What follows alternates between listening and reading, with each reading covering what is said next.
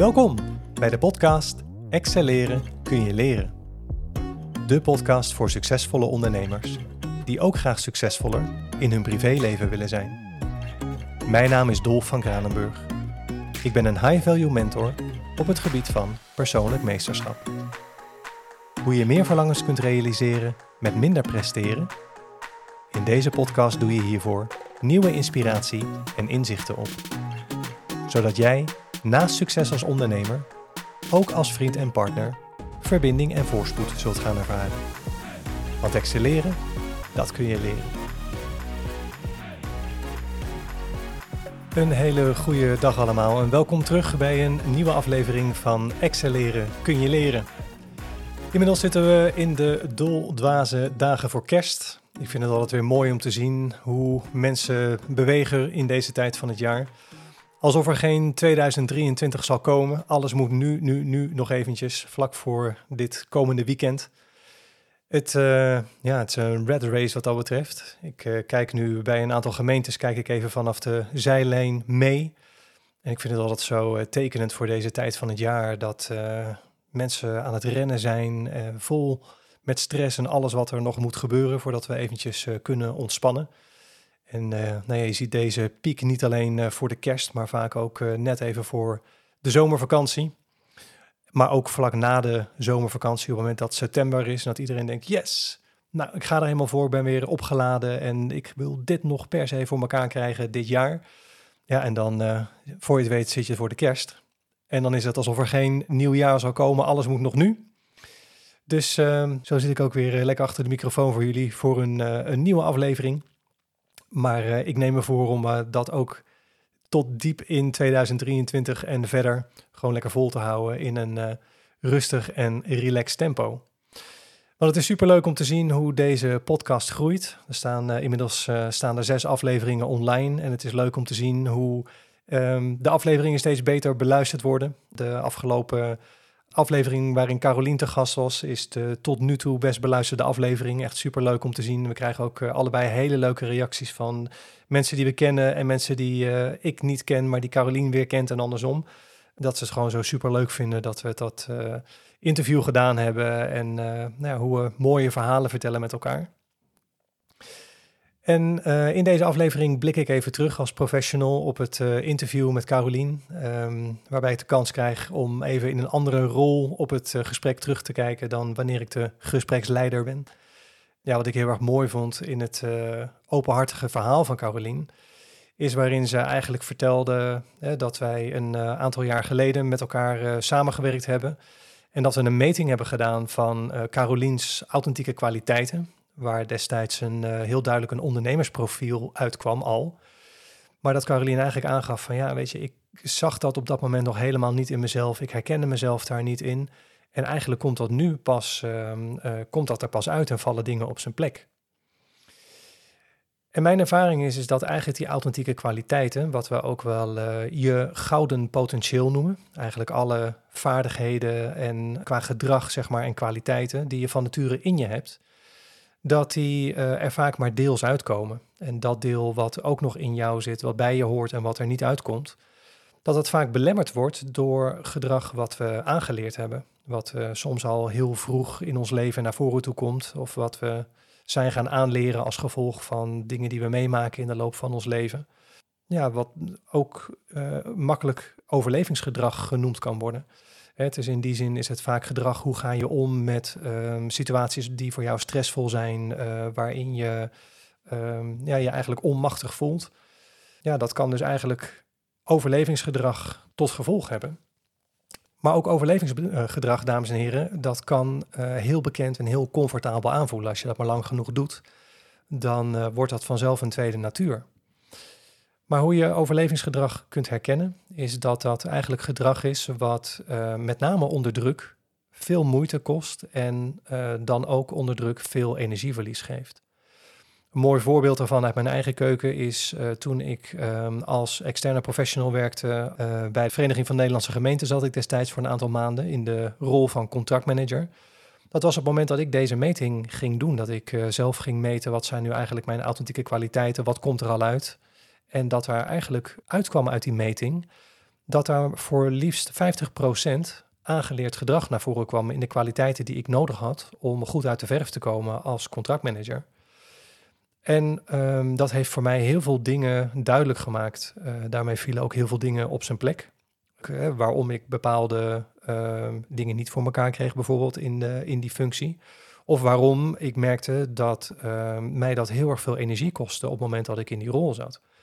Maar liefst 50% van de kwaliteiten die ik nodig heb als contractmanager, die ontleen ik eigenlijk aan vaardigheden die ik heb aangeleerd. En daarin hoor je eigenlijk ook weer die hele mooie dynamiek dat um, door dingen die je meemaakt in je leven, hè, en die we misschien als ingrijpend of zelfs traumatisch zouden omschrijven, dat dat ook gelijk um, uh, een positieve kant heeft. Namelijk dat je daarmee ook uh, kwaliteiten en vaardigheden aanleert die ook van een groot uh, nut of een grote toegevoegde waarde kunnen zijn. De voorwaarde is wel dat je uh, de rust en de ruimte ervaart om uh, die kwaliteiten op een goede manier uit de verf te laten komen. En het grappige is, is dat die um, ehm, 50% van die kwaliteiten die naar voren kwamen en die voor mij dus aangeleerd gedrag bleken, dat dat eigenlijk vaardigheden zijn die ik tot op dat moment echt ook gewoon klakkeloos op mijn cv zou zetten als zijnde dit zijn mijn kwaliteiten en hier moet je mij voor hebben. Nu weet ik, dat is waar, dat is deels waar. Uh, ja, je moet mij hebben voor die kwaliteiten, maar de voorwaarde is wel dat ik, als ik ze moet inzetten, dat ik dan ook de rust en de ruimte heb om dat op een goede manier te doen. En dat is dus niet op een inkoopafdeling waar uh, het altijd uh, gillend druk is, of uh, in een functie als contractmanager waarin je continu overspoeld wordt door gebruikers van het contract die vragen hebben, die problemen hebben, um, met leveranciers waarmee ik te maken heb die ehm, eh, een hoop beloofd hebben zeg maar, bij de inschrijving, maar puntje bij paaltje ehm, toch wat meer aanmoediging nodig hebben om hun contractuele voorwaarden ehm, eh, na te komen.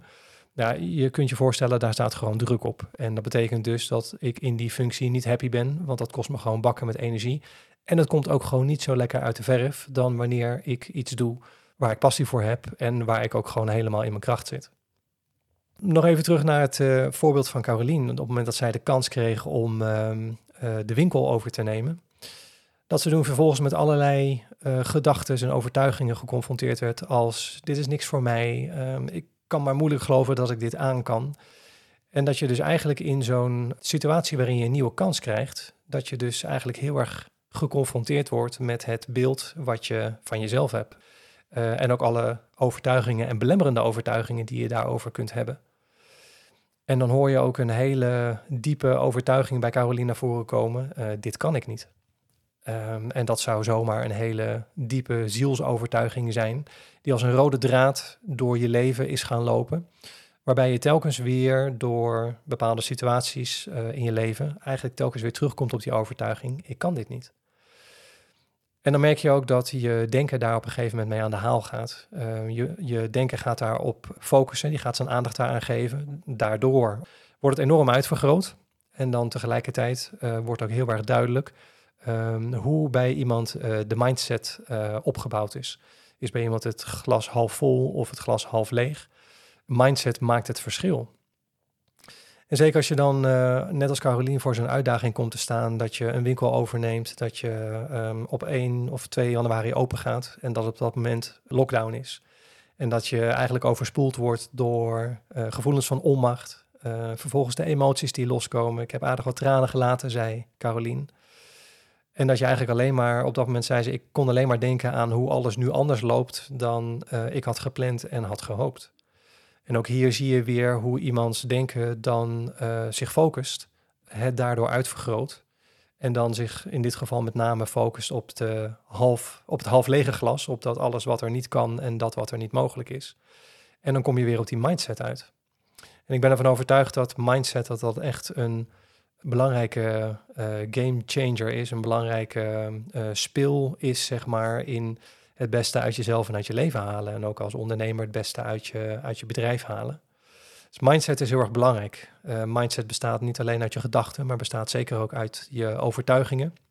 Wat denk ik uh, geëvolueerde gedachten zijn. Hè? Gedachten die zodanig ingeëtst zijn dat je ze bent gaan, gaan ervaren en gaan aannemen als waarheid. Dus die mindset, die, eh, die kom je nogal eens tegen. En eh, vaak ben je je daar niet bewust van. Maar op het moment dat je je bewust wordt van welke gedachten je hebt en wat je gedachten je vertellen en welke overtuiging je hebt, kan het heel erg interessant zijn om jezelf de vraag te stellen: is dit waar? Uh, ben ik mijn gedachten? Is het waar wat ik denk? Draagt het bij aan de doelen die ik wil behalen, de manier waarop ik denk? Mindset, daar gaan we het nog wel uh, meer over hebben, ook in, uh, in komende afleveringen. Wat ik mooi vond in het uh, verhaal van Carolien, toen ze vertelde hoe uiteindelijk met haar inzet en de hulp die ze kreeg van de mensen om zich heen, hoe ze verder bouwde aan het, aan het succes van de winkel. En tegelijkertijd ook ervaren dat naarmate de winkel succesvoller werd, nog succesvoller werd, dat ze eigenlijk niet meer toekwam aan hobby's, uh, de grote veranderingen die dat uh, meebracht voor haar in haar leven. Niet alleen in het werkende leven, na een hele lange tijd geen werk gehad te hebben, maar ook privé. Hè, waarbij Caroline zei van, uh, ja, ik heb ook een tijd geen partner gehad, ik heb nu een nieuwe partner. En hoe met dat succes van de winkel eigenlijk ook de uitdaging naar voren toe komt tussen een gezonde balans houden tussen werk en privé. En daarnaast ook goed voor jezelf zorgen en blijven zorgen.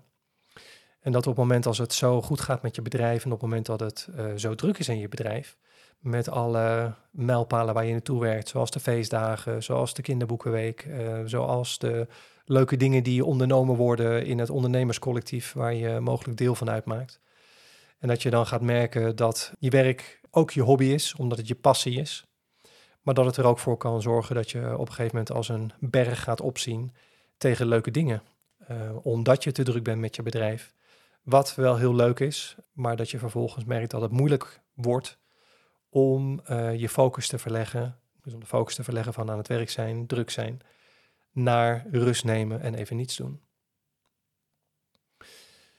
En wat ik een heel interessante lijn vond in het verhaal van Caroline, is eigenlijk de onderliggende stroom die zij beschreef.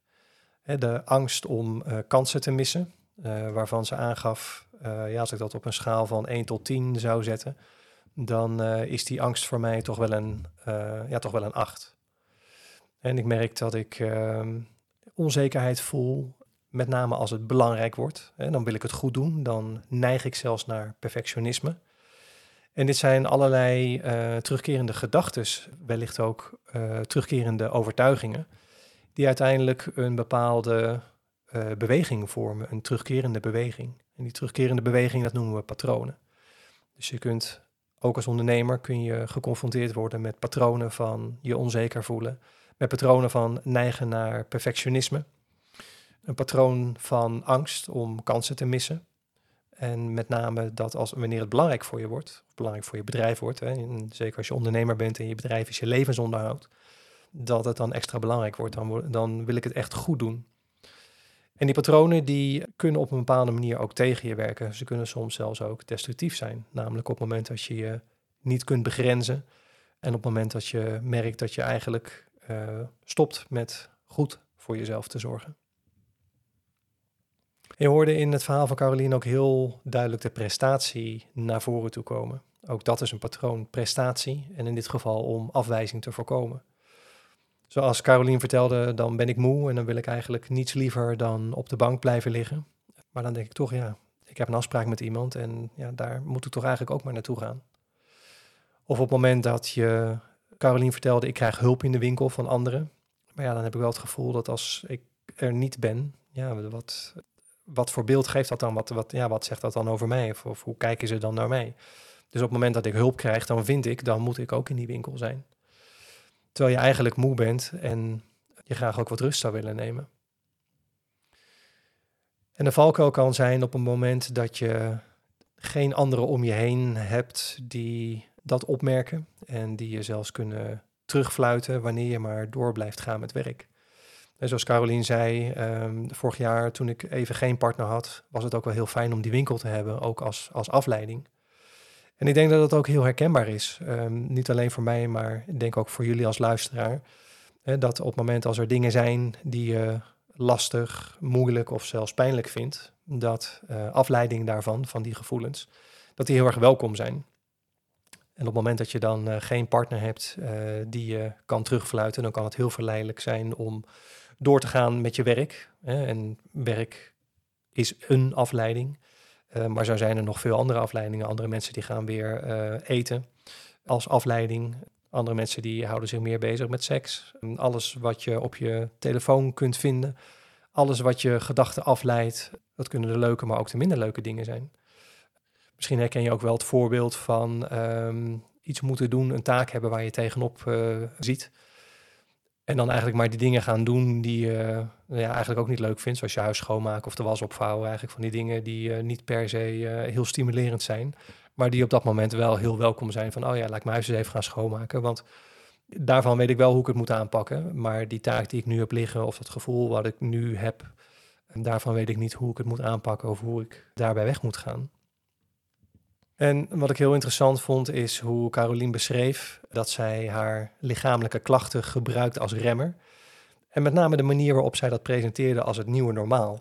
En daar sloeg ik op aan in het, in het gesprek. Ik ben daar nog even op teruggekomen. Nou ja, zonder daar een oordeel op te, te over te hebben, viel het mij wel op. Hè? Eigenlijk de manier waar, waarop zij dat presenteerde. Van ja, ik gebruik mijn lichamelijke klachten als remmer. Dan weet ik eigenlijk op dat moment moet ik even gas terugnemen. En als ondernemer, zeker als jij als ondernemer je bedrijf bent, is een goede vitaliteit essentieel. Maar ik denk eigenlijk voor iedereen, ook als je geen ondernemer bent, dan is naast tijd, is een goede vitaliteit een van de belangrijkste dingen die je hebt in het leven. En zeker als je dus ondernemer bent en jij je bedrijf bent, dan is die goede vitaliteit essentieel. En goed voor jezelf zorgen is daarbij een, een, een essentiële voorwaarde om te zorgen dat je zo goed mogelijk in je vel zit. Zowel letterlijk in je vel als uh, emotioneel mentaal. Dus ja, vandaar ook mijn vraag aan Carolien, hoe zou je het wel willen? Zonder daar een oordeel over te hebben. Kijk, uh, ik kan het opvallend vinden, ik kan het zelfs een probleem vinden.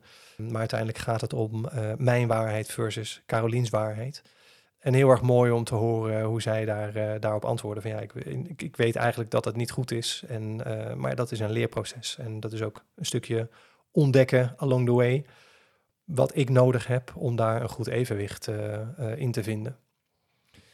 En zeker als je een ondernemer bent met een groeiend bedrijf, een groeiend succes, dan is het, ja, ga je eigenlijk opnieuw leren wat echt belangrijk is. Um, wat ga je wel doen, wat ga je niet doen, omdat werk nooit af is. Maar wat is nou echt belangrijk? Wat moet je echt vandaag doen? Wat moet jij echt doen? En wat zijn de dingen die minder belangrijk zijn of die desnoods ook even kunnen wachten tot een ander moment?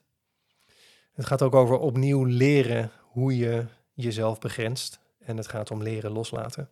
Klinkt makkelijk, maar mijn ervaring is, um, en misschien herken je dat ook, even loslaten, klinkt makkelijker dan het, uh, dan het vaak uh, is in de praktijk.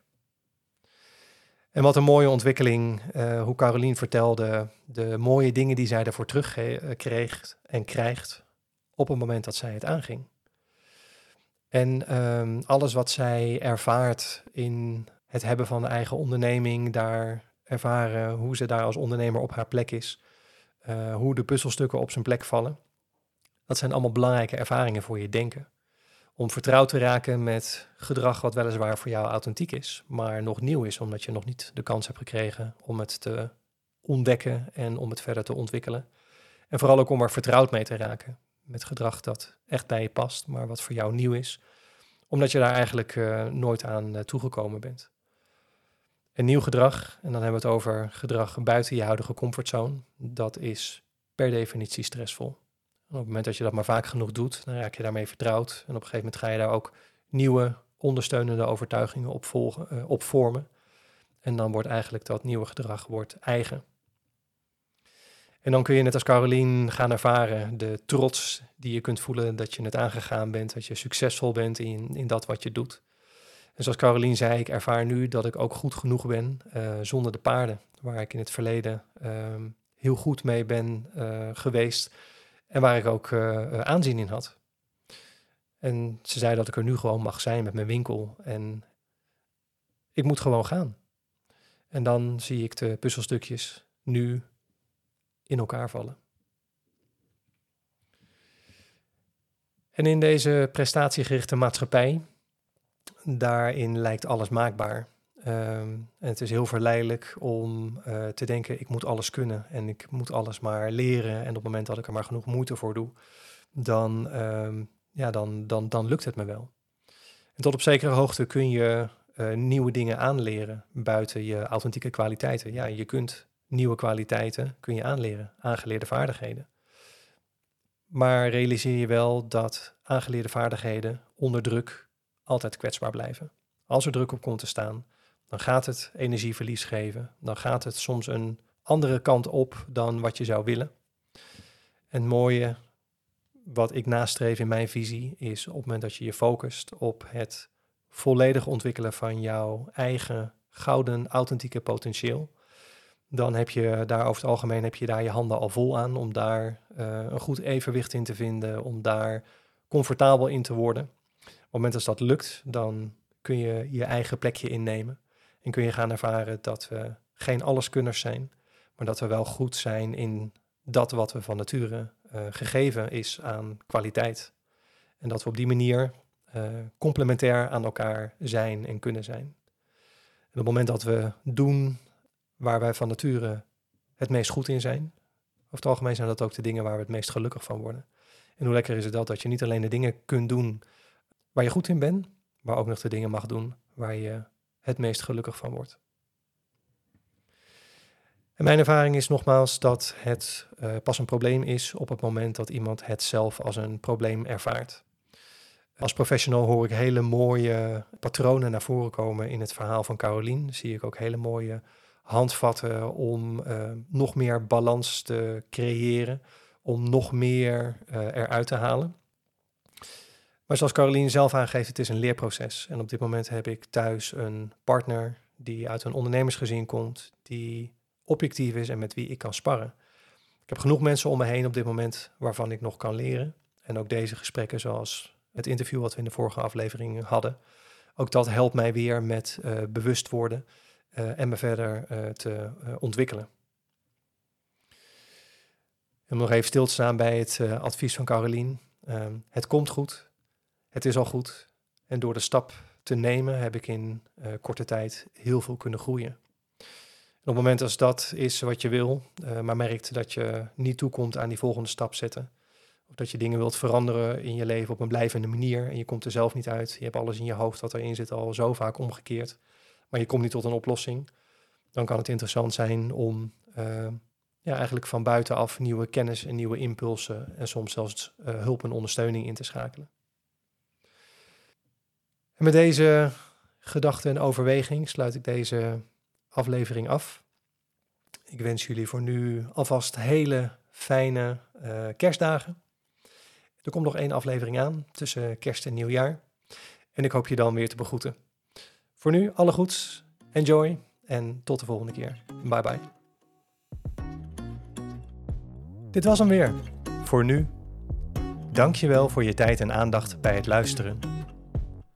Als deze podcast waardevol voor je was laat dan even een review achter. Je zou me een groot plezier doen door deze aflevering te delen met de mensen in jouw netwerk voor wie jij denkt dat dit ook meerwaarde heeft. Heb je nog vragen over wat je zojuist gehoord hebt? Of een suggestie voor onderwerpen waarover jij graag meer zou willen horen in een volgende aflevering? Stuur me dan een berichtje op LinkedIn, Instagram of Facebook. Abonneer je ook even op deze podcast als je dat nog niet had gedaan. Wil jij graag dieper ingaan op de mogelijkheden die er zijn voor jou om meer verlangens te realiseren met minder presteren? Bezoek dan mijn website www.dolfvankranenburg.nl. Hier kun je jouw één op één Zoom call met mij inplannen. Voor nu wens ik je alle goeds en graag tot de volgende keer.